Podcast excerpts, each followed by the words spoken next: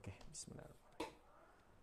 Assalamualaikum warahmatullahi wabarakatuh. Welcome back to Dimas P. Muharam Channel.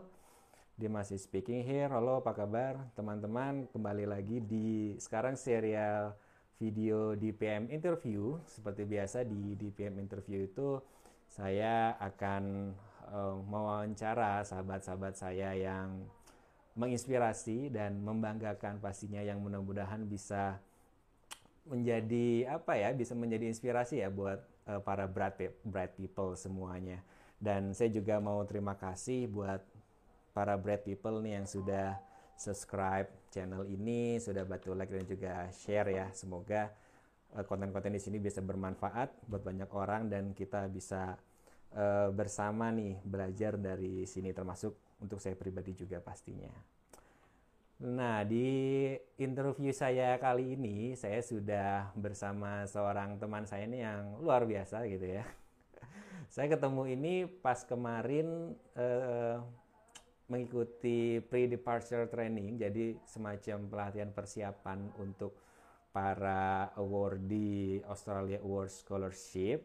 Dan sayangnya karena sedang pandemi ini, jadi proses PDT-nya itu kita online pelatihannya, jadi selama uh, nine weeks 9 minggu. Cuman harusnya normalnya itu kita uh, sana di Bali uh, bisa jalan-jalan. Cuman ya bagaimana lagi karena lagi pandemi ya. Uh, tapi dan prestasi juga banyak banget. Saya sebelum sebelum sini udah sempat googling dulu. Wah namanya keluar banyak gitu ya kalau nama saya sih keluar banyak wajar karena nama Dimas itu pasaran gitu. Tapi kalau ini kan nggak nggak pasaran. Cuman keluar di Google tuh berarti sesuatu gitu kan. Nah dan kita mau tahu nih mau dengar inspirasi dari Mbak uh, teman saya satu ini. Please welcome Mbak Aisyah Ardani atau dipanggilnya Mbak Ais. Halo Mbak Ais. Assalamualaikum. Waalaikumsalam. Halo uh, halo Mas Dimas. Apa kabar Mbak Alhamdulillah baik. Gimana rasanya jadi nyangkuters nih kita? Digantung. Generasi tergantung. Iya jadi iya jadi kita tuh kemarin sudah PDT sudah harusnya kita bisa berangkat bulan Juni ini mbak ya. Cuman karena yeah. masih Australia tuh masih menerapkan border restriction jadi kita belum bisa berangkat nih. Jadi mudah-mudahan tahun depan mbak lancar ya amin Iya, kalau bisa sih tak awal tak awal tahun depan mas yang spesifik. Iya iya ya, awal tahun depan doa tuh harus spesifik ya. Benar-benar awal tahun depan ya Januari sih direncanakan Januari. Jadi doakan juga nih teman-teman biar kita lancar. Nanti kita bisa bikin konten lebih banyak lagi nih di Australia ya. Oh gitu ya. Ya tujuan berangkat duluan supaya bisa. Oh kan ini mas kita bisa bikin konten hmm. pasca di Australia itu kehidupannya seperti apa gitu. Itu betul, cocok tuh Mas Dimas tuh buat konten. betul, betul. Dan kalau kita cita-citanya itu nanti buat bisa bermanfaat buat banyak orang insya Allah lebih dilancarkan lagi ya. Jadi bukan buat kita aja nih iya. tujuannya yeah. nih ya. Yeah. amin amin. Iya Mbak Ais sebelumnya mungkin um, kita perkenalkan dulu ke teman-teman ya. Jadi um, Mbak Ais ini juga seorang penyandang disabilitas juga. Boleh ini nggak Mbak? Boleh dideskripsikan. Kalau deskripsikan wajah nggak perlu Mbak cantik atau nggak nggak perlu itu kan karena saya juga nggak tahu gitu ya. Dan jangan pernah percaya kalau ada tunanetra bilang uh, cewek cantik atau nggak karena itu pasti bohong gitu ya. Meskipun katanya perempuan sering dibohongin. Tinggal pakai kacamata aja ya. Langsung muji gitu. Tinggal pakai kacamata terus muji-muji aja gitu ya Mas yeah. ya. Iya Mbak bisa deskripsi nggak Mbak ini disabilitasnya apa dan gimana Mbak? Pakai kursi roda atau bagaimana gitu? Biar teman-teman yeah, yang uh, ini bisa ini. Iya, jadi halo subscribernya Mas Dimas. Iya, kita nyebutnya bright people, Mbak. Oh, bright people. Oke, okay. halo bright, bright people, people ya. Kalau sebelah kan sudah uh, ada smart people, kita bright people. Oh iya. Kalau aku itu hmm, jadi lahir itu dalam kondisi namanya spina bifida. Spina bifida nah, itu kelainan. Itu, Saya sempat googling juga tuh. Oh ya. Oh. Hmm. Jadi spina bifida itu sebuah kelainan di tulang belakang yang uh-huh. dibuat ada uh, ini apa namanya syaraf di bagian kaki bagian bawah itu tidak bisa berfungsi. Hmm, Jadi di yeah. tubuh bagian bawah itu tidak berfungsi gitu. Iya, iya, iya, iya. Itu namanya itu kayak semacam apa istilahnya tuh degregatif atau gimana, Mbak? Atau karena Uh, ada virus atau apa gitu? kalau penyebabnya itu dulu ketika di kandungan biasanya kekur- kekurangan asam folat. Oh, begitu. Hmm, hmm, hmm, hmm, hmm. Asam folat ya. Jadi per, tahu itu penting banget sih Mm-mm. buat ibu hamil ya. Iya, Hmm, jadi resikonya pertumbuhan sarafnya itu eh, terganggu. Ya. Jadi saraf yang di bagian kaki bagian bawah itu tersendat di tulang punggung, tulang belakang. Hmm, iya, iya, iya. Berarti untuk mobilitas sehari-hari Mbak Ais pakai kursi roda atau pakai kruk Pakai kursi roda, pakai kursi roda pakai ya? kursi roda. Kursi roda. Nah, sebelum kita ngomong lebih jauh lagi nih Mbak, boleh sharing nggak untuk pengalaman saya, saya sempat googling kan Mbak dari sempat TK nggak atau langsung SD atau langsung SMA aja jangan karena saking pinter ya enggak ya Langsung langsung ke Australia, Mas. Lah itu dulu sopan bohongnya banget ya kalau itu sih gimana Mbak TK semenjak juga, TK juga ya jadi TK. kalau dari sekolah dari TK SD SMP SMA di sekolah umum ya Iya, di sekolah umum. Gimana? Ada pengalaman khusus nggak gitu dengan kondisi em, Mbak sebagai pengguna kursi roda? Berarti langsung pakai kursi roda dari kecil ya, kalau gitu ya? Dari lahir langsung jebrol. Enggak lah, Mas.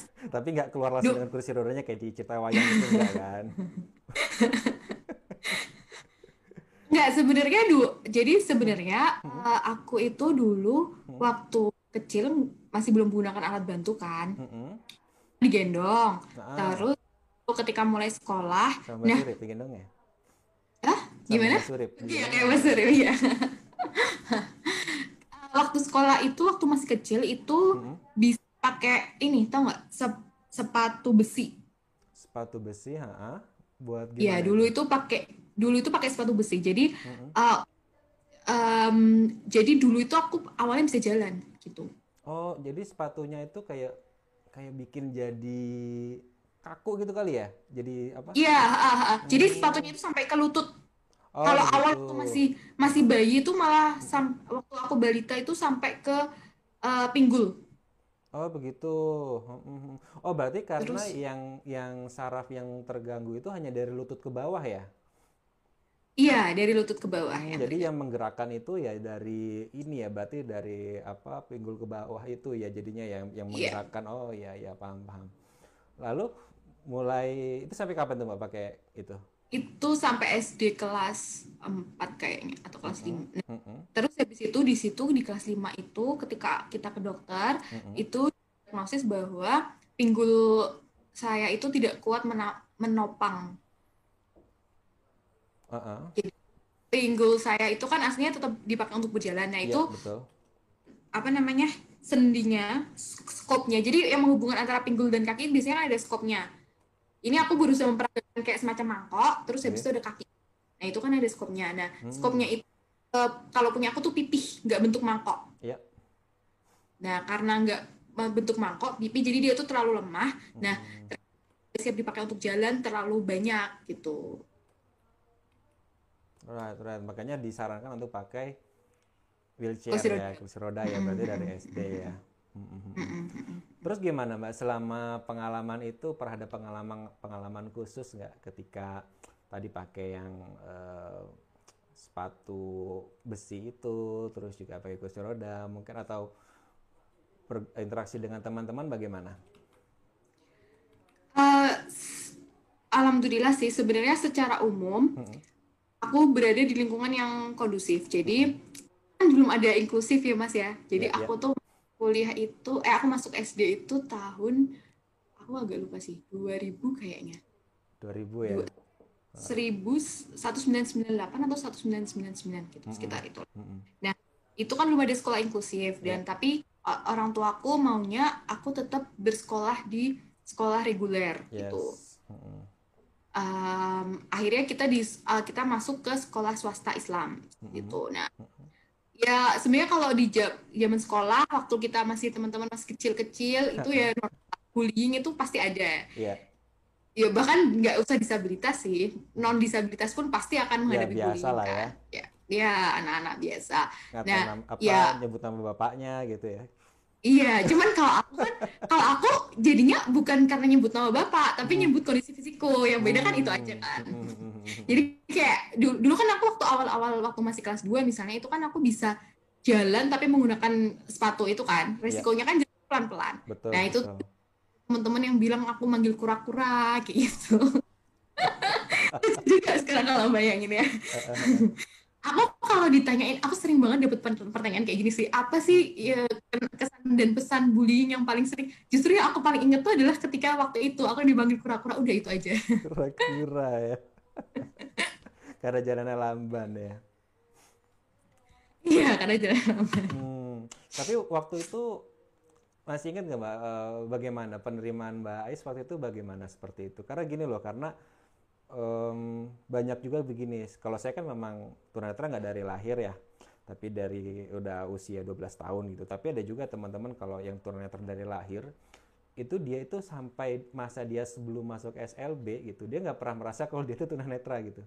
Karena ya mereka tuh main biasa aja meskipun main sepeda terus masuk got, masuk apa gitu, tapi mereka belum pak nggak tahu kalau itu konsep bahwa mereka tuh berbeda. Cuman taunya ya mungkin ya, karena mereka tetap bisa main dengan teman-teman mereka sendiri gitu loh. Tapi kalau Mbak Ais waktu itu sudah menyadari nggak bahwa memang ada emang feel different gitu waktu itu dengan yang lain? Atau Mungkin biasa aja? karena teman-teman netra, mungkin karena teman-teman netra itu nggak ngelihat ya. Jadi Hmm. maksudnya nggak perbedaan kan. Ya, Sedangkan kalau aku nggak ada masalah penglihatan, jadi ya aku bisa mema- memahami bahwa Hmm. ternyata aku beda. Mungkin Hmm. aku sudah sudah paham ketika aku masih TK, Mm-mm. masih eh, waktu sebelum TK pun, waktu masih balita, kita biasa main sama teman-teman di kampung. Mm-mm. Itu aku sudah bisa menyadari bahwa kok orang lain bisa jalan dengan lancar, sedangkan aku nggak bisa ya gitu. Hmm. Ya, itu pun juga kayak misalnya gini, sebenarnya bariernya lebih banyak adalah ketika aku bisa melihat teman-teman bisa main peta umpet, kemudian Ah. bisa manjat, sedangkan aku nggak bisa. Nah, justru Hmm. Sebenarnya kalau bullying itu nggak ada, cuman uh, aku merasa minder karena kenapa aku nggak bisa bermain Ya, seperti yang yang lain bisa saya nggak bisa gitu ya. Ah, ah, padahal kan kita tahu kalau di zaman TK atau uh, playgroup itu kan semua kegiatan itu lebih banyak yang main fisik kan, maksudnya main peta, main apalagi zaman dulu belum ada gadget. Nah, gitu. Iya. Itu kita kerasa banget sih. Oh, kenapa aku nggak bisa ikut main kayak mereka ya? Mm-mm. Nah, tapi responnya Mbak apa ketika merasa seperti itu? Apakah memang feeling down atau mungkin malah ada pelampiasan ke hal yang lain? Misalnya contoh, eh, oke saya ada kekurangan tapi saya mau berprestasi di akademik gitu misalnya, kan bisa ini dengan yang lain gitu. Seperti itu atau bagaimana penerimaannya? It- itu proses yang panjang sih Mas, nggak langsung tiba oh saya mau mencapai pencapaian di akademik gitu. Ya. Nggak, nggak gitu. Nah, uh, kalau waktu di zaman masih kecil itu Ya. uh, kebetulan, jadi ini uniknya sih, dan ini mungkin bisa jadi pelajaran juga untuk orang tua-orang tua yang Betul. punya anak disabilitas. Jadi akhir orang tuaku itu memutuskan untuk ngelesin aku renang. Oke. Nah, di sebenarnya itu uh, insiden, maksudnya bukan sengaja orang tuaku mempelajari tentang dunia disabilitas enggak. Cuman semua anak di keluargaku itu diusahakan sudah les renang dari kecil karena ngerasa itu Hmm. aku merasa bahwa itu survival, basic survival yang harus dipunya semua orang gitu kan. Dan karena keluarga aku juga punya keturun ke- keturunan asma, jadi seperti kita harus belajar renang untuk ngatur pernafasan. Oh iya iya. Terus? Somehow akhirnya justru itu jadi uh, men- membantu untuk meningkatkan kepercayaan diri. Jadi Hmm. walaupun kita kondisi kakinya nggak berfungsi, ketika di kolam renang itu nggak begitu nggak begitu berpengaruh. Mungkin tetap, tetap ber- bisa ya?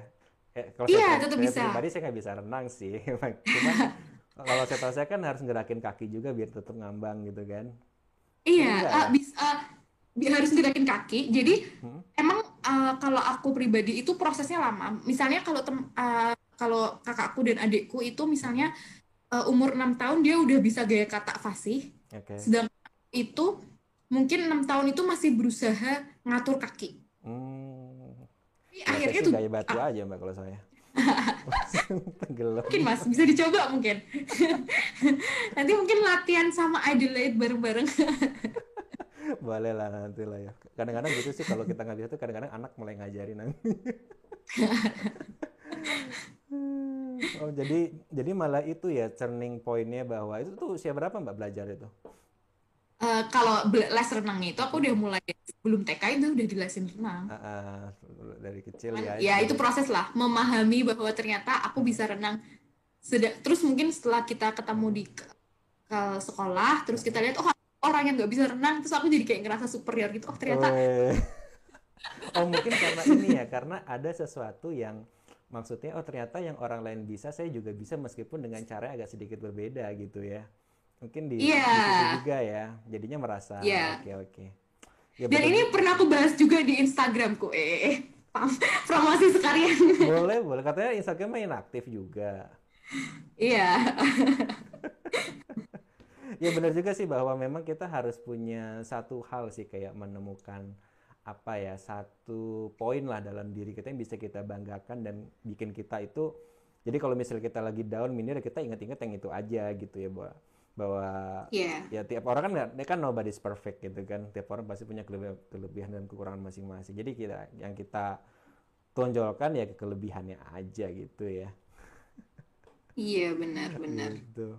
Nah, terus dari situ Mbak pengalaman uh, masa kecil gitu ya, juga sekolah juga di sekolah umum terus gitu kan. Lalu juga sempat masuk di pesantren juga Mbak ya? Wah, kok dapat info Mas? Tahu dong Mbak, kan kita riset dulu. Gimana tuh Mbak kalau masih pesantren Mbak? Apakah kondisinya malah lebih toleran dibanding sama sekolah umum atau gimana Mbak? Um, sebenarnya mungkin kalau di pesantren itu yang jadi barrier adalah fasilitasnya ya fasilitas mm -hmm. maksudnya public facilitiesnya right. karena kebetulan aku memutuskan untuk masuk ke pondok salaf mm -hmm. jadi yang uh, kamar mandinya itu bahkan masih belum akses sama sekali untuk disabilitas ah, iya, iya. ya yang macam-macam seperti itulah hmm. um, bisa nyemplung di kali mbak sayangnya itu ada kalinya sih kalau ada aku ya. lebih praktis ya. Iya, Sebenarnya kalau ntar ditarik iya. tali gitu ya kalau ada kerendam. Sayangnya nggak ada sih sekitar situ nggak ada kali. Gak ada, ya. Jadi ya itu sih. Sebenarnya kalau untuk disabilitas, untuk aku pribadi ya nggak tahu kalau untuk teman-teman disabilitas fisik lainnya. Hmm. Cuman kalau teman-teman dengan aku dengan hambatan berjalan itu sebenarnya yang paling sulit adalah masalah kamar mandi mencari kamar mandi yang akses dan mencari yang enggak tangga maksudnya uh, bangunan tanpa tangga sebenarnya cuma dua itu aja kuncinya kan nah uh, itu tapi itu jadi kompleks karena untuk mencari pondok pesantren yang bisa menyediakan dua dua kebutuhan itu tuh kita harus ke mana-mana gitu jadi yeah. aku sampai udah ke Jakarta udah ke Jawa Timur udah oh, ke nyari juga ya Iya, ke Jogja juga udah ke mana pun dan akhirnya kebanyakan mereka uh, minta maaf nggak bisa menyediakan gitu hmm. karena batasan lokasi. Malah di yang deket ya di Kudus ya malah ya. Iya, dan itu akhirnya terakhir. malah yang akhirnya, malah terakhir ya. Iya, uh, jadi nggak tahu kenapa sih jalannya uh. itu. Jadi bahkan aku udah ke Pasuruan, Mas hmm. Dimas tahu di hmm. Pasuruan tuh pojoknya uh, Jawa Timur. Iya iya iya. Banten juga udah. Lebih pojok lagi kan? Iya sih, nggak nggak sepojok itu sih. Terus habis itu ke Banten juga udah. Hmm. Ya udah. Terus akhirnya baru terakhir ternyata di Kudus ini dan di Kudus ini unik karena hmm. uh, mereka mengatakan bahwa bisa kok di direnovasi kamar mandinya gitu. Jadi kita karena ada beberapa kamar mandi terus satu kamar mandi pasang kloset kloset ah, Oke, okay. jadi bisa diakomodir ya jadinya ya. Iya. Terus kalau dari segini gimana mbak di sana dengan teman sesama santri wati di sana? Iya.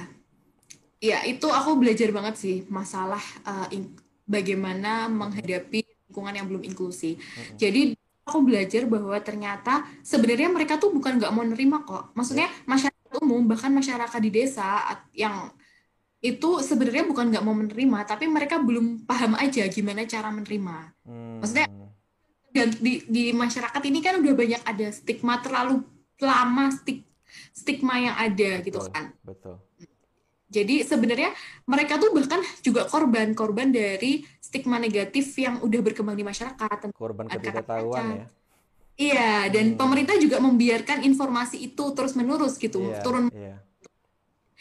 Ya, Jadinya bah- bahkan melanggengkan untuk iya bahkan melanggengkan. terdahulu itu kan kayak misalnya tunanetra ya kalau di kayak di panti rehabilitasi itu kan ya hanya diajarkan mijit, bikin keset, ya kan. Kalau yang tuli ya diajarin nyalon, yang dasi diajarin apa benar. bikin-bikin kerajinan gitu. Jadi ya melanggengkan. Teman sekarang ya sudah ada perubahan lah semenjak kita ratifikasi CRPD itu kan. Iya. Mm-mm, Ah, mm-mm. tapi memang nggak cepet ya Mas karena Betul. Itu kan mengubah mindset mengubah kan, mengubah iya dan paradigma. pema- pe- eh, kalau secara regulasi mungkin sudah berubah, tapi aku kebijakan di level provinsi aku sering ketemu atau di level kota mm-mm. masih pemangku kebijakannya mindsetnya masih ma- mindset eh, lama. Jadi Betul, betul. walaupun ada peraturannya mereka belum siap gitu. Iya. Karena kita kan menanti nih seperti Mbak Ais Mbak Ais yang lain juga sampai ke atas juga gitu kan. Bukan Mbak Ais lah, Mas Dimas lah. Aku mah apa? Iya Nah, iya jadi kalau ya, yang di pondok ya itu, Mbak ya. Iya, heeh, heeh. Tapi aku belajar sih bagaimana cara menghadapi masyarakat yang belum tahu itu di pondok. Maksudnya kita mm-mm, makanya mungkin pendekatan beda sama senior-senior eh, disabilitas yang ag- mungkin agak berani ya. Kalau aku mungkin lebih lembut gitu. Maksudnya mm-mm, ya it's okay kalau memang bisa menerima menggunakan istilah disabilitas misalnya. Maksudnya kalau aku ya, ketemu di desa dan ada yang menggunakan kata cacat ya it's okay. Maksudnya mm-mm, mm-mm. karena aku sudah eh, persepsi dari disabilitas ke cacat itu akan butuh eh dari cacat ke disabilitas itu butuh waktu Betul, gitu. betul, betul. Tapi kan sebetulnya juga ini Mbak, itu kan hanya masalah terminologi ya. Sebetulnya Iya, kan benar. yang lebih Mm-mm. penting, ya itu juga penting. Cuman yang lebih penting adalah bagaimana orang memahami itu kan. Ketika dia Iya, toh ingin menggunakan kata disabilitas atau difabel sekalipun atau apa pun, tapi di dalam pemikiran yang masih negatif ya sama aja gitu kan. Jadi sebetulnya lebih ke iya. konsep dulu ya. Itu berapa lama sih Mbak di pesantren Mbak? Lama banget. Sampai karatan Keraton. sekitar Berapa? lima, lima tahun. Lima tahun ya? Ya. Eh, ta- tapi itu kalau di santren tuh hitungannya ini nggak sih ada kayak sertifikat kayak penyetaraannya gitu nggak sih? Eh, enggak sih, karena aku kan udah dapet, aku kan lulus SMA dulu baru mondok. Mm-mm, mm-mm. Jadi enggak, kalau yang masih belum punya ijazah SMA, SMP itu mereka bisa penyetaraan di dalam pondok. Cuman karena aku sudah komplit, jadi enggak perlu. Oh gitu nggak maksudnya kayak disetarakan mungkin kayak D3 atau apa enggak ya? Oh, enggak, Mas. Enggak ya. Karena Tapi itu bener-bener salah sih. Mm-mm, mm-mm. Makanya ambil S1 lagi ya. Iya. Ambil S1 lagi Ini kayak CV-ku dikuliti ya. di Google ada semua kok, Mbak. Saya nggak ini kok nggak kayak apa Mas Bagas yang pegang semua data itu enggak. Jadi buat teman-teman Mas Bagas itu adalah salah satu peserta PDT yang jadi ketua Iya, kelas. ketua kelas kita ya.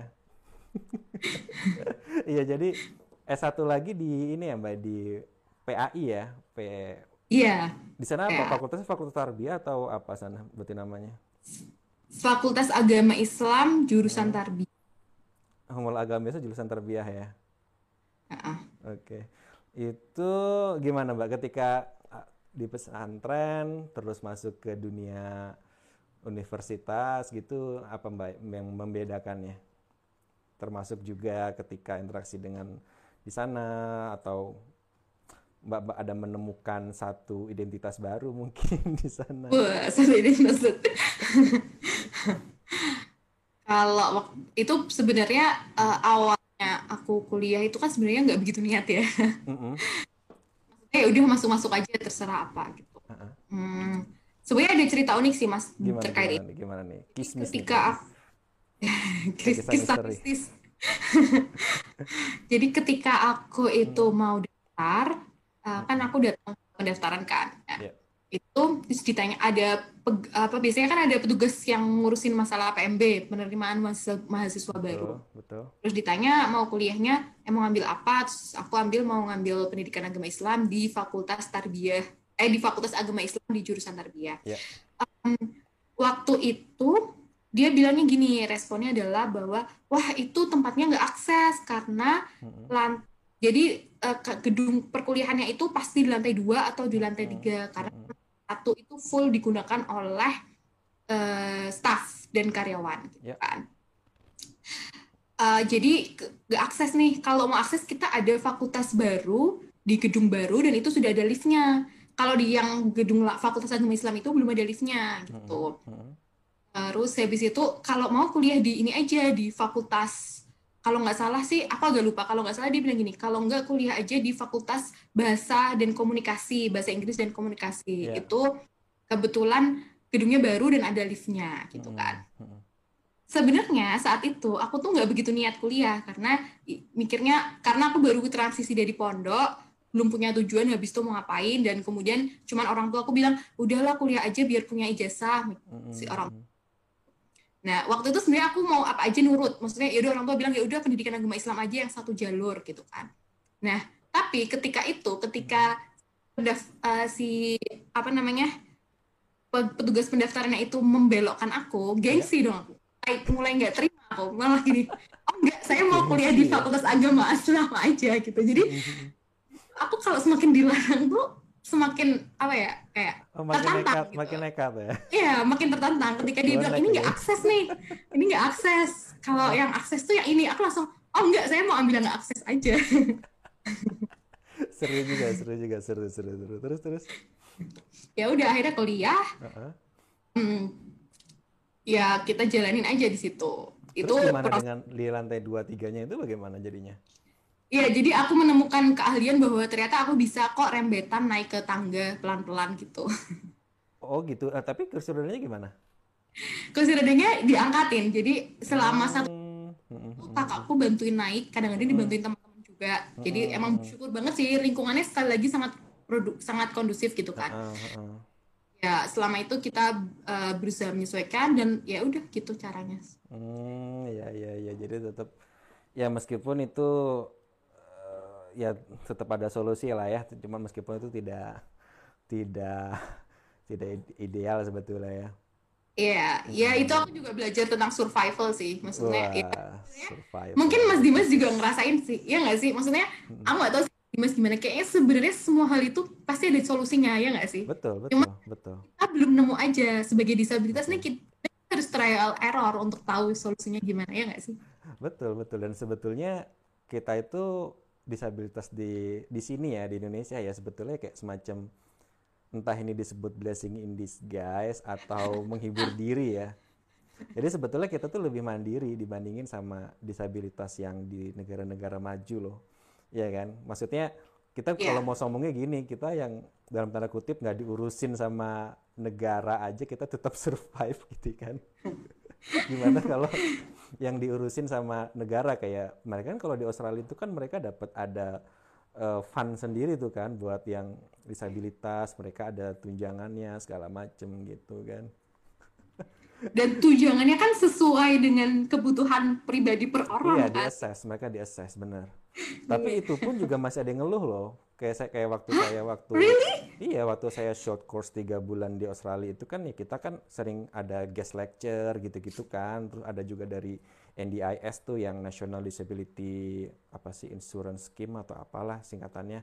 Kayak semacam BPJS kesehatannya mereka lah yang buat disabilitas gitu kan terus juga ada penerimanya juga mereka kadang-kadang masih ada yang ngeluh juga bahwa itu kurang ketika mereka tuh dengan partner hidup dengan partner tapi uh, cuman dihitungnya gimana bla bla bla masih ada yang ngeluh juga sebetulnya. Makanya saya waktu itu bilang gini bahwa uh, tapi ini bukan pas sama orang yang langsung tapi sama dosen pas ketika kita debrief udah selesai presentasi itu sih bahwa ya harusnya mereka nggak punya alasan lah buat itu. Kita aja di Indonesia yang uh, karena memang kita bukan welfare state kan kita nggak punya kayak semacam dana buat itu aja kita masih bisa survive gitu kan. Tapi dibalikin kayak gini lagi ya sebetulnya kalian kalau mau bikin jadi welfare state juga bisa adanya dana dana pension pension seperti itu. Karena kalian kan punya tuh banyak tuh orang-orang super kaya. Itu kalau mereka bayar pajak dengan benar aja kalian bisa buat ngidupin.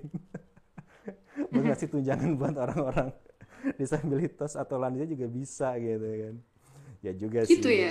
iya mereka juga hmm. ada yang masih merasa kurang loh dengan seperti itu Nah kita ya ya menghibur diri lah bahwa kita lebih survive di sini. Makanya ketika dikasih nanti dikasih lebih lingkungan yang lebih akomodatif ya insya Allah akan lebih survive gitu kan Iya.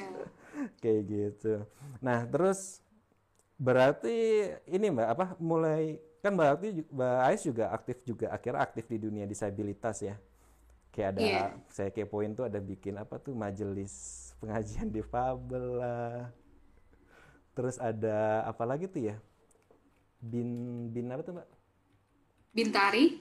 ya bintari segala macam nah itu bisa cerita nggak mbak mulai mulai ya meskipun mbak sudah mulai ini ya mulai sudah mulai mengidentifikasi diri bahwa oke saya memang ada perbedaan itu dari kecil gitu kan cuman ketika mulai masuk dan ikut contribute di dunia disabilitas tuh mulai kapan dan bagaimana tuh mbak?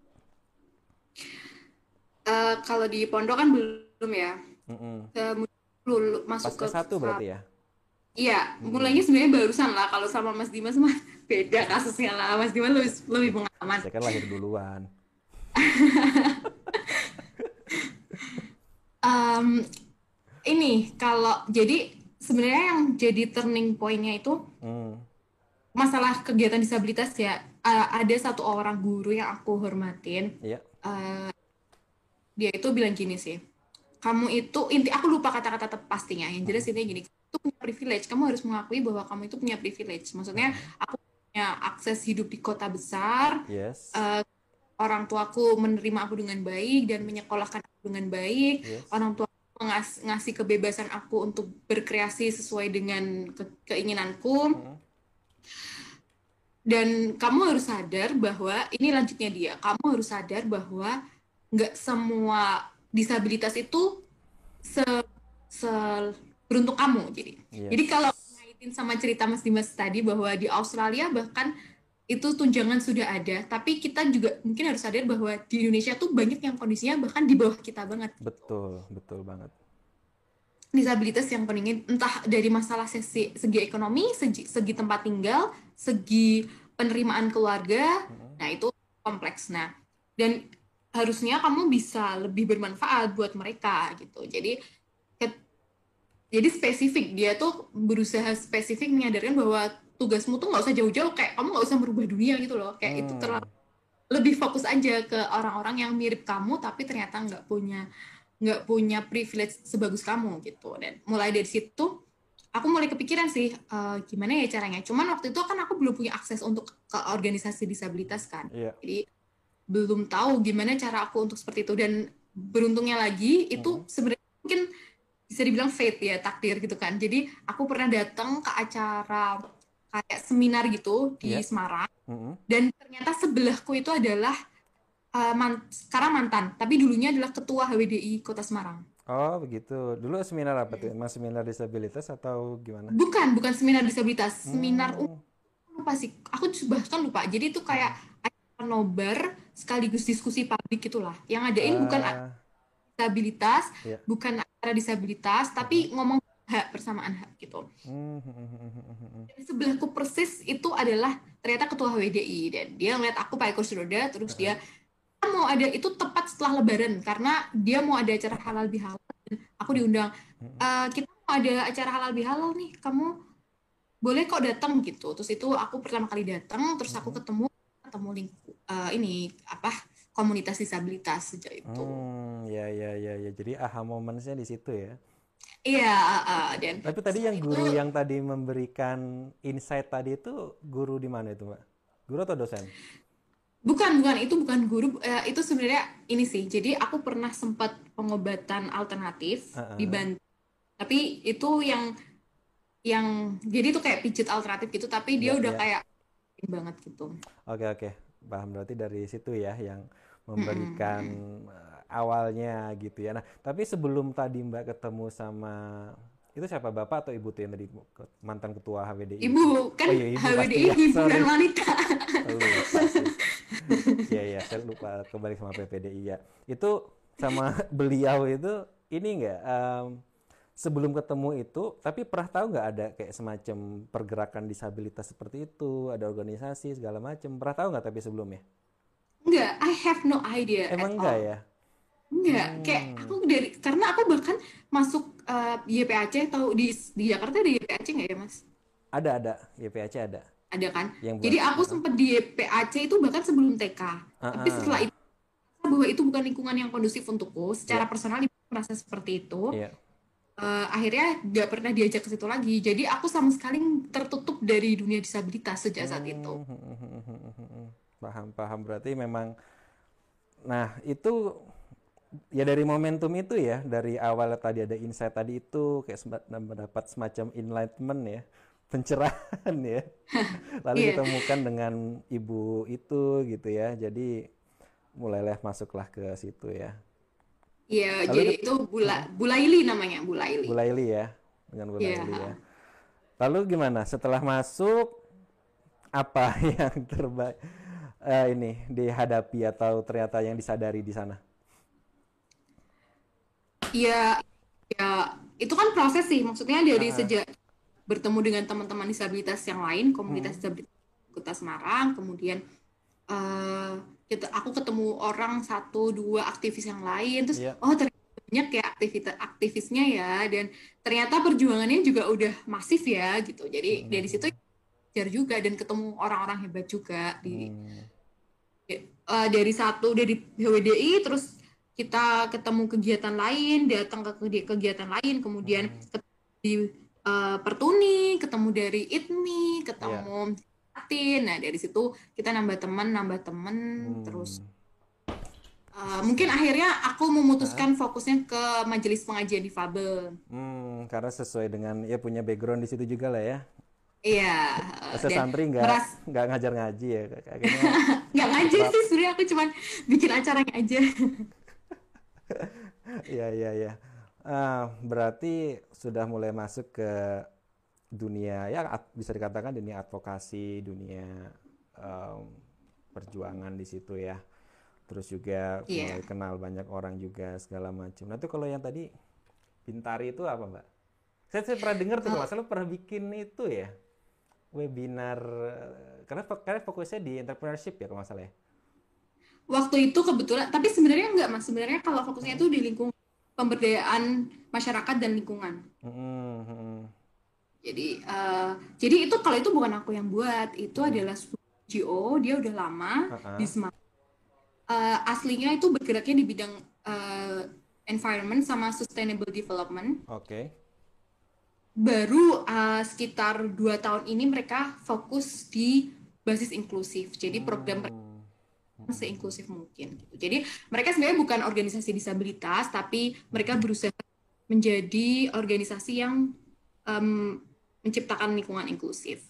Oke. Nah, tapi setelah ini Mbak, nanti kan kayak habis aha momen itu jadinya merambat ke mana-mana nih, banyak ikut bahkan sempat menginisiasi sebuah kegiatan juga yang majelis pengajian tadi gitu. Setelah masuk itu yang berubah dari diri Mbak Es apa? Apakah ada penerimaan diri yang bagaimana atau ada sesuatu yang baru lagi? Atau Kalau- gimana? Mungkin lebih ke tujuan hidup kali ya. Wow. Enggak sih. Jadi serius ya Mas ya? Enggak, enggak. Maksudnya gini, kalau aku coba flashback, back then waktu aku mau masuk kuliah, aku Ya. bahkan nggak tahu aku mau ngapain. Maksudnya aku nggak punya tujuan jelas apa yang mau aku capai atau eh, kalau sekarang mungkin juga masih nggak jelas sih. Sorry, at gini, waktu mau kuliah itu nggak punya, mungkin Iya, Mbak tadi merasa belum punya tujuan yang jelas ya. Itu menurut Mbak sendiri itu apakah ya ya it's something common gitu loh di anak-anak muda atau karena Mbak memiliki ada keterbatasan disabilitas itu? I think it's something common. Hmm, Maksudnya- common aja ya, bukan Lagi- karena merasa itu terus merasa hopeless itu enggak ya? Enggak, kalau hopeless enggak sih. Eh, lebih mungkin karena aku nggak tahu sebenarnya apa yang mau aku lakukan di dunia ini gitu. Hmm. Apalagi kan aku se- selama lima tahun di pondok itu kan, eh, jadi itu pondok salaf yang benar-benar terisolasi. Iya, Kita iya. nggak bawa HP, jadi memang di sana aku nggak berinteraksi dengan dunia luar. Jadi Betul. ketika itu dan kebanyakan kalau dari teman-temanku keluar itu keluar dinikahkan kebanyakan. Hmm. Oh, jangan Jadi- tujuannya itu juga pasti keluar. Have any envision about my life waktu itu. Ah, haha. Bisa dibilang aku eh, nggak tahu mau bahkan nggak kepikiran kalau aku bakal dapat beasiswa AAS saat itu gitu. Hmm. satu hal sih yang mungkin yang aku lakukan saat itu adalah sebenarnya harus sederhana. Aku itu kalau setiap kali ada, jadi di sana salah satu keuntungan di sana itu ada perpustakaan dan di situ ada banyak banyak banyak banget buku. Di dan aku suka di pesantren. di pesantren. Heeh. Dan aku suka baca dan yang aku baca itu adalah novel-novel traveler, traveling ke luar Lima Menara yang sekolah ke luar negeri, terus habis itu eh Laskar Pelangi, ya Hmm. tipe-tipe novel dulu lah yang lagi in saat itu Pokoknya gitu. Dan- adventure-adventure gitulah ya. Iya, uh, jadi kayak Hmm. I don't have a real goal in my life, tapi yang jelas aku mau itu kalau bisa gitu. Kayak itu tuh cuman, tapi umum, tapi aku tahu. Tapi kan aku tahu Hmm. untuk mendapatkan beasiswa tuh kamu harus punya tujuan. Tapi aku waktu itu belum tahu aku mau ngapain. Hmm, hmm, hmm, Tapi kemudian dengan akhirnya berinteraksi dengan dunia disabilitas, masuk ke organisasi disabilitas, ternyata aku oh masalahnya banyak ya ternyata di sini. Ditambah lagi dengan uh, guruku yang bilang kayak gitu, terus Ya. kayak oh iya ya aku bisa sekolah, bahkan sekarang aku bisa S1 dan ternyata kalau masalah pendidikan agama Islam di dunia disabilitas itu lebih kompleks lagi. Nah, ya Betul, udah betul, betul. gimana caranya aku bisa kontribusi di sini walaupun mungkin uh, it's a small contribution tapi ya setidaknya bisa lah ada ada walaupun cuman remah-remah rempeyek lah Wah, tapi itu sangat berarti lah Mbak. Itu kan setiap orang punya skop skop kegiatan masing-masing kan. Itu nggak semua orang harus di level nasional kan. Karena kan bahkan kadang-kadang yang teman-teman kayak yang di pusat, di Jakarta, di level nasional kadang-kadang tuh juga kita nggak ini juga tuh, nggak terlalu paham-paham banget juga sama persoalan di daerah kan. Bahkan kadang-kadang lebih kompleks malah kan. Iya ya aku nggak tahu sih karena aku belum pernah di pusat dan nggak ker- nggak berniat untuk di pusat juga sih Jangan banyak di sini-sini, Mbak. Macet ya, macet. Oke, dah dari sana ya, waduh, berarti perjalanannya panjang banget sampai menemukan tujuan hidup, the meaning of life gitu kan, Cie.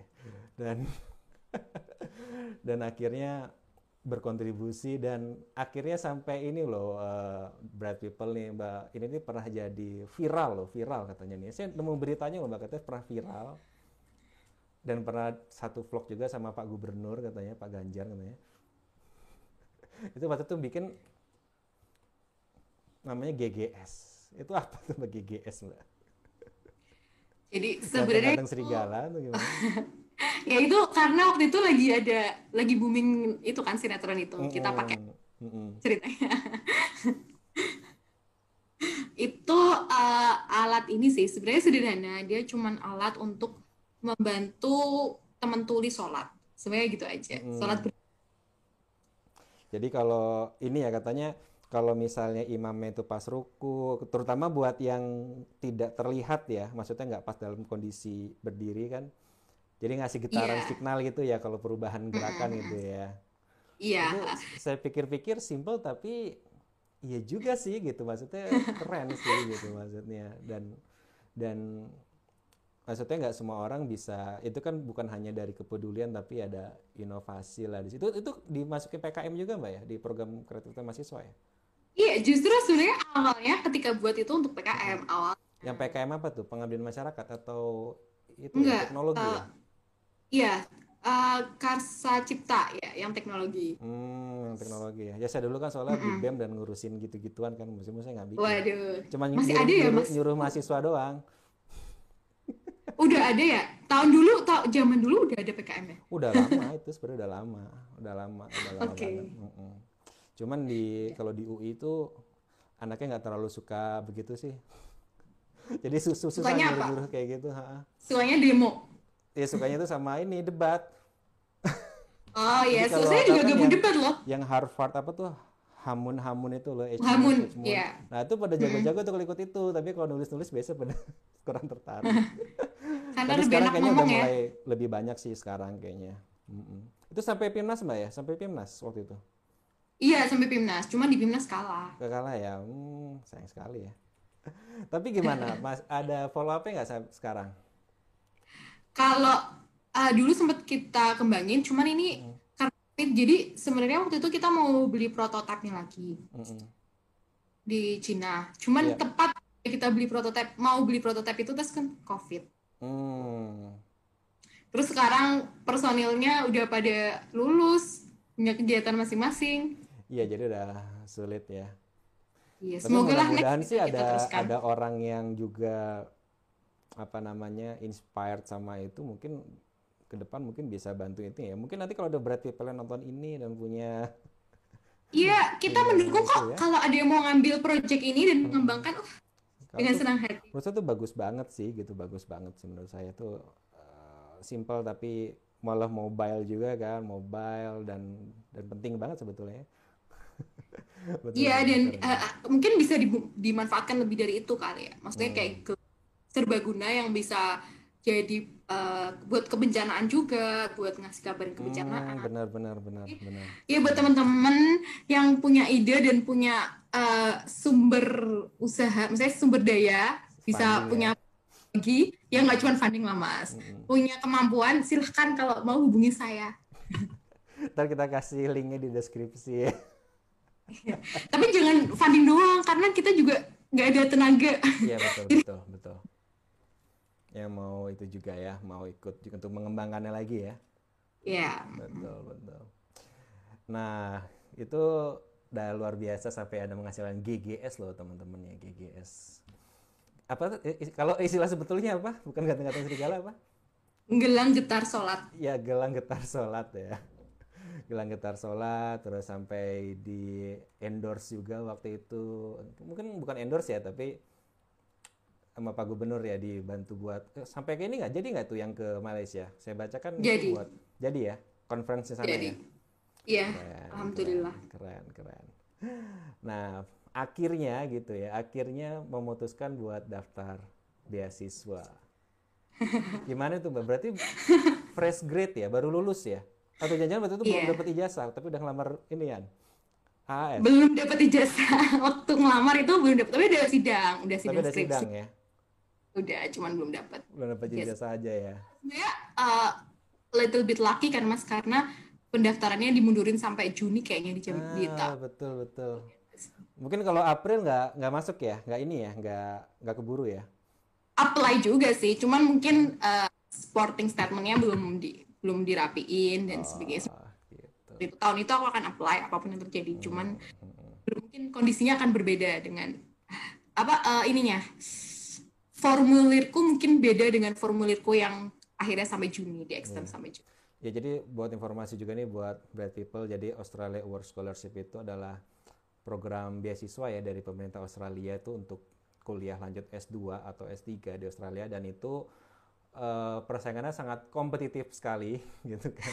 Kemarin tuh kabarnya sih ada 6.000 applicants ya yang masuk gitu kan. Dan Mbak Ais ini masuk menjadi salah satu dari hanya 50 yang diambil dan fresh grade gitu ya. Jadi luar biasa banget. Ba- Bahkan banyak orang itu yang daftar berkali-kali atau bahkan banyak yang bilang kalau fresh grade bisa masuk nggak ya gitu karena kan belum punya pengalaman segala macam. Tapi Mbak Ais sudah membuktikan bahwa dia bisa lolos gitu ya. Jadi buat teman-teman yang mau daftar dan ingin melanjutkan cita-citanya nggak usah khawatir ya Mbak Ais ya. Semangat, semangat. Tapi tentu motivasinya apa Mbak? Minggu daftar kayaknya. Mbak? Tinggal seminggu kayaknya ya. Sekarang iya Sekarang. tinggal sampai 31 Mei ya. Mm-mm. Mm-mm. Mungkin kalau ini dipublish udah selesai ya, udah tutup kali pendaftarannya. Eh, enggak sih paling minggu depan sih. Oke. Minggu depan sih di paling sebelum sebelum inilah sebelum 31 Mei yang jelas. Waktu itu motivasinya apa, Mbak? Maksudnya kan nggak semua orang itu kan terpikir buat eh, lanjut S2 ya. Apa kalau saya sendiri kan pribadi memang ya se- selain memang punya cita-cita memang karena eh, kalau di PNS kan memang kita di apa istilahnya di encourage buat lanjut sekolah lagi gitu kan. Tapi kan nggak semua orang punya motivasi seperti itu karena kan namanya sekolah lagi itu kan capek ya kan? Apalagi yang udah pada kerja gitu kan udah pada kenal uang gitu kan sekolahnya ngapain sih? Bikin paper segala macem baca buku itu kan capek gitu kan. Apa sih betulnya yang memotivasi Mbak Ais buat daftar gitu atau sebelumnya tahu dari kan- mana Mbak? Tahu dari mana ya? Sebenarnya kan udah kalau di organisasi disabilitas kita kan udah sering dapat kabar-kabar kayak gitu kan. ah iya betul dari situ Sebenarnya berarti ya. aku iya eh, akhir 2029 eh 2019 ya kayaknya. Akhir 2019 itu aku ikut kayak mus, mu, musyawarah besar HWDI se-Indonesia. Mm-mm. Terus di situ mereka sharing kalau banyak yang udah keterima short course-nya. Yang mungkin yang sama itu kan. iya iya. Ya uh, pingin sih daftar waktu itu cuman kan udah tutup dan biasanya katanya adanya dua tahun sekali kayaknya. Ya nggak sih? Oh yang short ya, course yang buat disabilitas. disabilitas itu yang iya, ya, ya. Kurang tahu nggak nggak udah udah lupa sih dulu aku kayaknya. Nah terus? itu terus habis itu ya dari situ aku tahu oh terus aku buka-buka websitenya aku tahu hmm belum lulus kan kondisinya masih kuliah oh ada ya beasiswa S S2-nya ya dan mereka kan dari awal tuh di halaman pertama pasti bilang we encourage people with ya, disability yeah, betul, to betul. and people with disability to apply wah I'm woman and I'm people jadi double priority ya Enggak sih. Mikirnya oh, aku dipanggil nih gitu kayak. Oh. Enggak sih. Terus uh, sebenarnya dari jauh-jauh hari sebelum lulus itu aku udah sering buka-buka website itu. Bahkan ketika nggak ada buka apply itu kayak biasanya kan ada informasinya di websitenya kan. Itu aku udah baca pelan-pelan kayak gitu. Kalau motivasi ngambil S2 Uh, karena ini ketika aku menjalani kuliah di PAI, yeah. ada gap yang aku lihat bahwa ternyata pendidikan agama Islam itu belum fokus tentang disabilitas gitu. Uh-huh. Jadi jadi gini mas, kalau aku nggak tahu ya nanti mungkin dikoreksi dari Kemendikbud. gimana, gimana? jadi kan ada pendidikan luar biasa, sedangkan pendidikan luar biasa itu sepertinya nggak ada pembahasan tentang pendidikan agama Islam. Iya kan? Mata pelajarannya ya? Iya, mata pelajarannya. Ada nggak? Nggak tahu sih. Kok nggak ada kok. Oh ada ya? Agama nah. tuh semua agama ada kalau nggak salah. Ada oh gitu, oke. Okay. Ada, ada. Maksudnya ya okay. ada gurunya yang ngajarin. Oh di PLB di pendidikan luar biasa. Oh, Maksudnya oh, di, di, di jurusannya. Iya. Nah, uh, kalau uh, jurusannya sih nggak ada, setahu saya. Tapi nah, ya, biasanya kan, yang ngajar itu biasanya itu memang guru yang basicnya PAI, entah itu dia dari Kemenak atau dari guru ini guru yang PAI memang di sekolah umum kayak di SD gitu kan ada kan yang, nah. yang guru PAI kan. Tapi maksudnya pelajaran agama tapi di dalam kurikulum PLB kayaknya enggak ya? Nah ini terus di sekolah di jurusan umum PAI yang umum uh -uh. itu enggak kalau setahuku yang sudah ada membahas tentang pendidikan inklusif itu baru Sun Unif UIN Sunan Kalijaga sama ya. Gitu. Jadi masih sedikit banget gitu. Bahkan uh, uniknya ketika aku mau ngangkat skripsi tentang pendidikan inklusi di mata pelajaran PAI yeah. di suatu sekolah sekolah inklusif yep. kebetulan sekolah inklusif nah itu ditolak sama dosen ada dosen yang menolak hmm. karena dia pendidikan luar biasa itu bukan skop pendidikan agama Islam jadi oh, pendidikan mhm. skopnya itu siswa normal, bukan siswa berkebutuhan khusus. Itu istilah yang digunakan guruku. Teman-teman, istilah normal adalah istilah yang digunakan oleh dosenku, bukan aku, oke? Okay? Di, aku kasih disclaimer dulu, ya, dulu. Biar, nanti kalau videonya dipotong terus diviralkan lagi ya.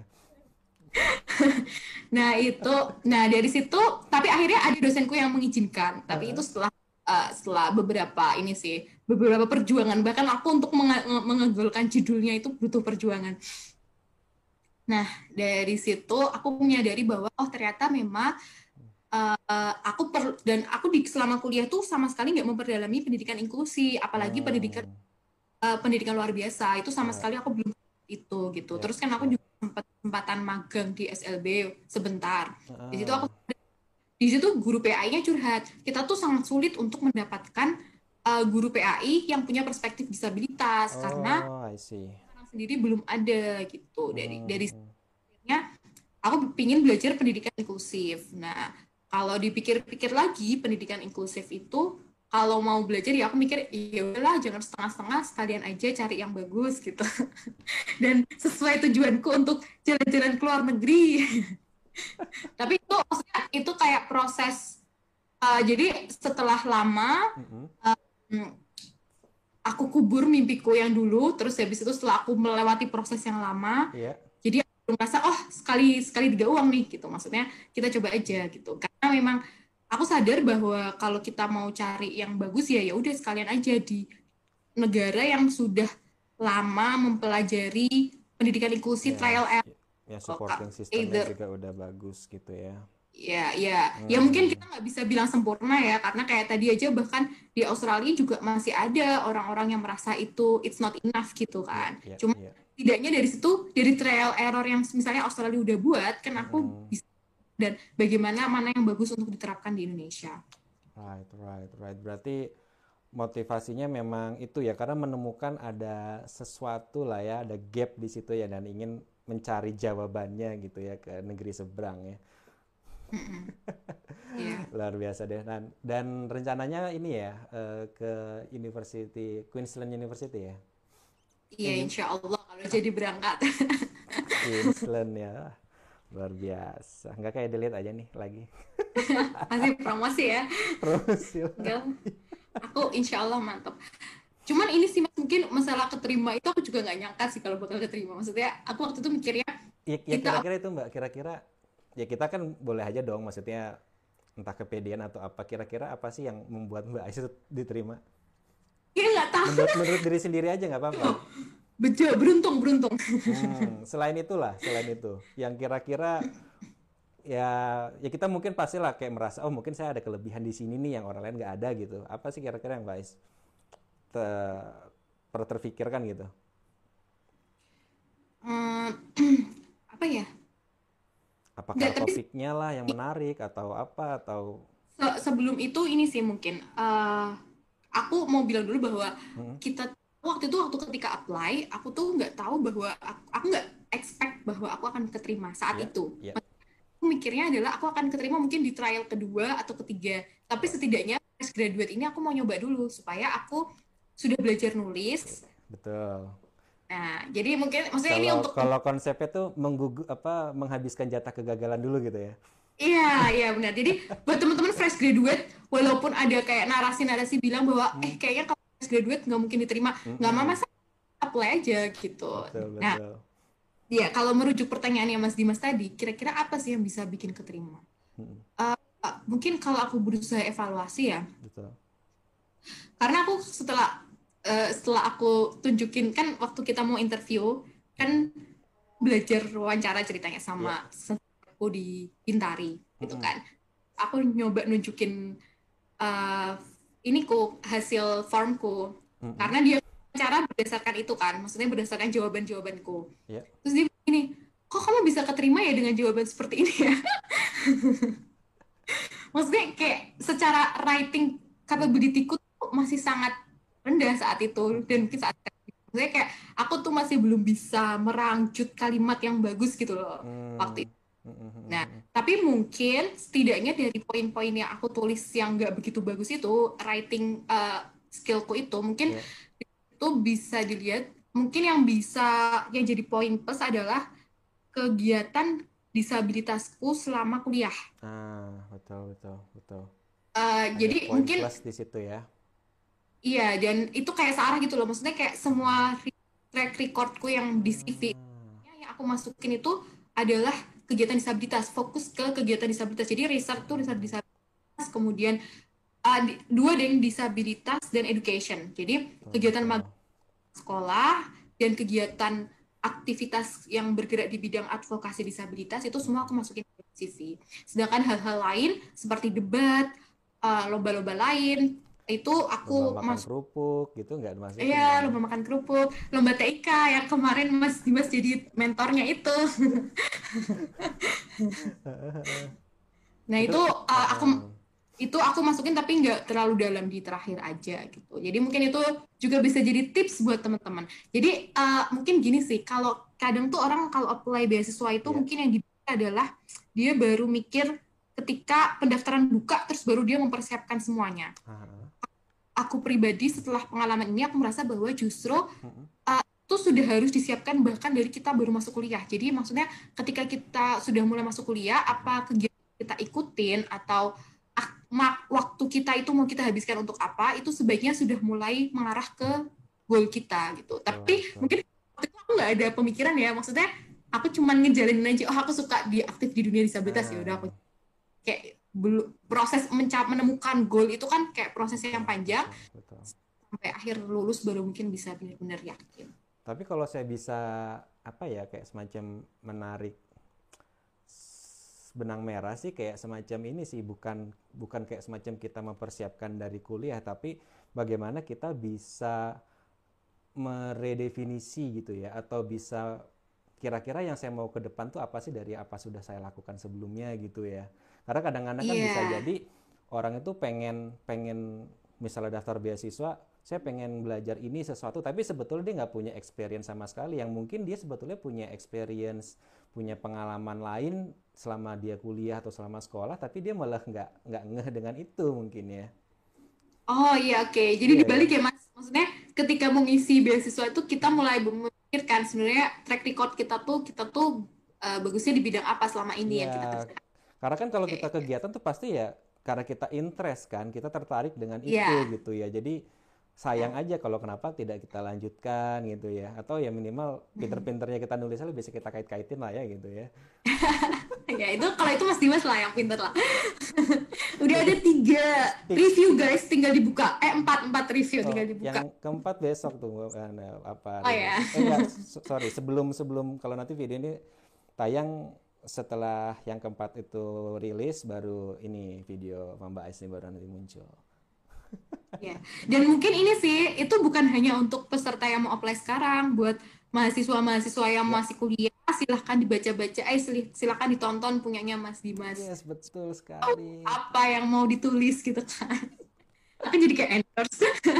Iya dong, kita kita kan fakir subscriber. Iya kalau aku kan bejo ya, maksudnya kalau aku disuruh nulis lagi, maksudnya aku suruh mereview, Mm-mm. sebenarnya gimana cara lulus, aku tuh kayak I have no idea karena Hmm. aku tuh nulis tuh kayak ya ya Tapi kadang-kadang yang yang lulus mulai begitu loh Mbak. Jadi gen- genuine, ngerti nggak? Jadi kayak semacam ya dia memang yang apa yang dia tulis apa yang sudah dia lakukan, tapi bukan kayak semacam make up atau apa ya, atau bener-bener menyusun sesuatu yang wow, tapi sebetulnya dia nggak yakin-yakin banget gitu loh. Jadi genuine gitu loh jadinya kan. Oh gitu ya. Saya terima sempat kasih sekali. sempat baca apa sharing-sharing alumni itu bilang gitu bahwa AS itu dia itu uh, appreciate banget buat yang genuine ya kita jujur-jujur aja gitu kayak saya kan juga di situ bilang bahwa uh, saya bilang bahwa saya baru masuk CPNS saya jadi peneliti cuman saya pengalaman riset masih sangat terbatas saya pengen belajar tentang itu ya bilang aja gitu kalau saya belum bisa dibilang itu jadi nggak usah harus kita me- membesar meninggi-ninggikan gitu jadi ya karena kita memang kita sekolah buat buat belajar kan sebetulnya bukan ini bukan kompetisi kompetisi siapa yang paling hebat gitu tapi kita butuh buat belajar gitu ya Iya, makanya. Mhm. dan tadi sih kayak Mbak AS bikin GGS itu kayaknya itu apalagi sempat viral kan masuk media itu AS nyari kayak gampang tuh cari nama ketik nama Mbak Aisyah Ardani muncul oh udah nih masuk deh Aduh, aku jadi kayak terbang, nanti tiba-tiba jatuh blok. Nggak jangan lama. Mbak kita belum terbang masih lama Mbak terbang ya masih tahun depan Doanya aja semoga bisa bermanfaat lah. Amin, amin, amin. Oke deh, jadi sebelum kita akhiri nih Mbak, kan betul-betul banyak banget nih pelajaran yang kita dapat ya, dan semoga bisa menginspirasi juga buat teman-teman yang lain gitu kan. Oh, oh iya satu hal lagi Mbak, sorry. Kan tadi pengen ke luar negeri ya, emang nggak takut Mbak ke luar negeri nanti sendirian atau mobilitas gitu? Karena banyak loh teman-teman yang mungkin nggak berani karena takut entah bahasa Inggrisnya lah, atau takut nanti di sana kenapa-napa lah. Ada loh kayak gitu loh. Iya. Terpikirkan nggak di mungkin balik lagi. gitu? Iya, mungkin balik lagi sih karena aku basically kan kalau semakin sulit semakin tertantang kan. Oh iya Jadi betul ya. Makin nekat kayak ya. Iya, gak bisa bahasa Inggris. Oke, aku belajar. Jadi eh, mungkin agak lucu kan. Kan waktu di pondok pun aku tuh beli soal-soal IELTS, eh bukan TOEFL dulu. Ah, ah. Buku TOEFL itu yang yang biasanya buku eh, tembus TOEFL berapa berapa oke. Yang ada itu ada gambar foto orang pakai di luar negeri gitu lagi selfie. Oh iya iya iya. aku beli buku-buku kayak gitu terus Ah, ah. aku kerjain di pondok sendiri belajar di situ kan ada pembahasannya Hmm, nah itu aku belajar walaupun akhirnya nggak maksudnya dari situ aku mulai memupuk eh, keinginan gitu. Jadi jadi kita memupuk keinginan tapi kita berusaha kira-kira apa ya yang bisa aku lakuin walaupun masih di pondok gitu. Terus baru Hmm, hmm. keluar terus aku eh, masuk komunitas debat terus belajar bahasa Inggris dari situ. Hmm, ya dari learning by doing lah. Terus akhirnya kita coba IELTS belajar IELTS gitu Jadi emang yakin aja lah ya kalau memang kita merasa ada yang kita nggak bisa ya bu bukannya malah jangan malah menghindar tapi belajar dulu ya gitu ya. Jadi tertahan Iya, gitu ya. ya nggak tahu sih kenapa gimana ya biar gitu. Maksudnya aku nggak tahu juga gimana caranya supaya merasa tertantang. Itu kayak mungkin udah terbiasa ya. Kayak ya tadi kayak yang Mas Dimas bilang kan di lingkungan yang nggak eh, yang nggak inklusif. Iya, Jadi iya. We we don't have any choice. Kayak kita tuh nggak punya pilihan lain selain survive gitu kan. Kalau kita mau Bener, bener, bener banget. Setuju kalau kita mau sekolah kita mau survive gitu. Jadi Bener, bener, setuju banget, setuju banget. Jadi saya sering bilang ap- apa when you hit the bottom rock, the only way is up gitu kan. Jadi kalau udah sampai di bawah sumur gitu kan, jalan satunya cuma ke atas kan, nggak ada kita nggak bisa ke bawah lagi kan. Jadi kita kayak orang udah kayak gitu Iya. kan. Kita bukan Iya. bukan yang maju mundur apa mundur kena gitu kan, maju kena mundur kena, tapi mundur kena. Jadi nggak bisa cuma maju doang jadinya ya. dan mungkin kita di Indonesia nggak ada bantalannya. Kalau orang di Australia mungkin disabilitas di Hmm. Australia sebelum hit the bottom rock tuh dia ada kayak pengamannya gitu kan. Jadi kayak Iya, mentul-mentul. iya, iya. Ada jejaring sosialnya ya. Iya, iya, iya. Betul, betul sih. Iya sih. Betul. Saya sih pikiran gitu juga bahwa kayak kalau buat orang-orang kayak kita kita nggak ada nggak ada pilihan lain selain harus berjuang gitu. Kalau nggak berjuang ya udah mati deh. Ya, dan Mati ini sih mungkin nggak ke mana-mana gitu ya. iya, heeh, heeh. dan ini mungkin yang benar-benar aku dapetin ketika Hmm. kerja di BPI, terus kita ketemu disabilitas di desa karena proyeknya kebanyakan kan mostly di desa. Mm-mm. Nah, kita ketemu oh ternyata banyak kayak bener ya kata guruku dulu disabilitas Hmm. yang tuh banyak yang ke exclude dari society, terisolasi right. dan orang tuanya bahkan nggak menerima dengan baik gitu. Hmm. Iya itu memang PR banget buat Jadi kita. ada tanggung mas ada tanggung jawab sosial. Iya. Jadi ada ada kayak semacam apa ya? CSR CSR pribadi lah ya jadinya ya. Individual CSR gitu ya. Iya, iya benar benar Nah, benar. gitu ya. Tapi kan memang Sama sama Allah ya. CSR-nya tanggung iya. jawabnya sama- Ya, tapi kan memang apa namanya kalau yang apa tuh piramida Maslow itu kan memang yang manusia seperti itu kan. Ketika sudah apa di piramida paling atas itu kan ang- aktualisasi ya kita akhirnya harus bisa giving kan buat buat orang lain. tapi mohon maaf mas, aku masih jomblo jadi love-nya belum dapat. Jadi kayak kalau Oh iya iya. belum iya. sampai ke aktualisasi, belum Kan sampai ke aktualisasi. Bisa dilewatin dulu, ada lift. Ini promosi banget ya kayaknya ya. Enggak, be- menyatakan kalau aku tuh belum sampai ke level aktualisasi gitu loh. Ah, Terus iya. secara finansial juga belum secure, jadi security-nya juga belum dapat. Oh, jadi masih insecure karena masih tadi itu ya. Ya, Secara jadi- finansial, finansial. Ya, jadi bright people itu ya tadi Mbak Ais sudah mempromosikan dirinya sendiri jadi silakan masuk ke ininya IG-nya aja langsung ya. Oke Mbak Ais makasih banyak ini udah kita ngobrol udah lama juga ternyata banyak banget Iya. inspirasi yang didapat dan uh, seru banget ternyata gitu dan mudah-mudahan ini bisa bermanfaat buat bright people semua. Mungkin ada yang mau disampaikan Mbak sebelum kita tutup? Apa ya? Ya kata-kata mutiara, hemat makal kaya atau rajin pandai. Sekali mendayung tiga pulau terlampaui. Enggak sih, mungkin aku eh, mau mungkin kalau ada orang tua orang tua disabilitas yang nonton ini Right. eh, mungkin kita perlu belajar dari tem dari anak kita yang disabilitas. Jadi kayak selama ini mungkin dianggap bisa mungkin ada kayak em, albisme di masyarakat bahwa disabilitas itu lemah, terus nggak berdaya. Hmm, hmm. Kadang jadinya kan efeknya dua, bisa di spesial, bisa di nega, dianggap negatif, bisa dianggap terlalu positif. Kalau terlalu positif tuh berarti kayak kan gitu kan. Nah, mungkin yang bisa kita lihat bahwa mereka itu sebenarnya dengan manusia lain, cuman hanya cara survivalnya aja yang berbeda. Kalau Mas. Dimas nggak bisa melihat, tapi uh, misalnya bagus. Jadi kayak sebenarnya sama aja dengan manusia yang lain, cuman uh, caranya aja yang beda. Jadi tinggal kita aja yang mengoptimalkan cara apa yang bisa dia gunakan gitu. Gitu aja sih. Oke Mbak, dan satu hal lagi mungkin yang terpenting juga adalah pendidikan tuh penting banget ya buat buat kita ya. Sebisa Iya. mungkin kalau bisa belajar terus, belajar terus sampai setinggi mungkin agar bisa lebih bermanfaat juga banyak orang-orang juga ya Mbak ya. Iya. Oke deh kalau gitu. Oke, makasih banyak Mbak Ais. Semoga sukses selalu buat kesehariannya selama kita ini nih menunggu keberangkatan. Sukses dengan kegiatannya, Amin. dengan kontribusinya, dengan rencana-rencananya dan semoga selalu sehat juga untuk Mbak Ais dan juga keluarga ya. Oke, makasih Mbak Ais ya. Iya, terima kasih Mas Dimas sudah diundang. Oke, okay, thank you. Oke, okay, ya. Bright People itu tadi perbincangan saya dengan Mbak Aisyah dan atau Mbak Ais. Mudah-mudahan bisa menginspirasi dan jangan lupa ya buat subscribe, like dan juga share video ini agar makin banyak nih teman-teman yang um, terinspirasi gitu ya. Dan kalau misalnya teman-teman ada pertanyaan, komentar atau mungkin ada kenalan siapa lagi nih mau kita interview dan kita bagikan inspirasinya boleh jadi kolom komentar. Oke, terima kasih. Sampai ketemu lagi di di PM interview berikutnya and see ya.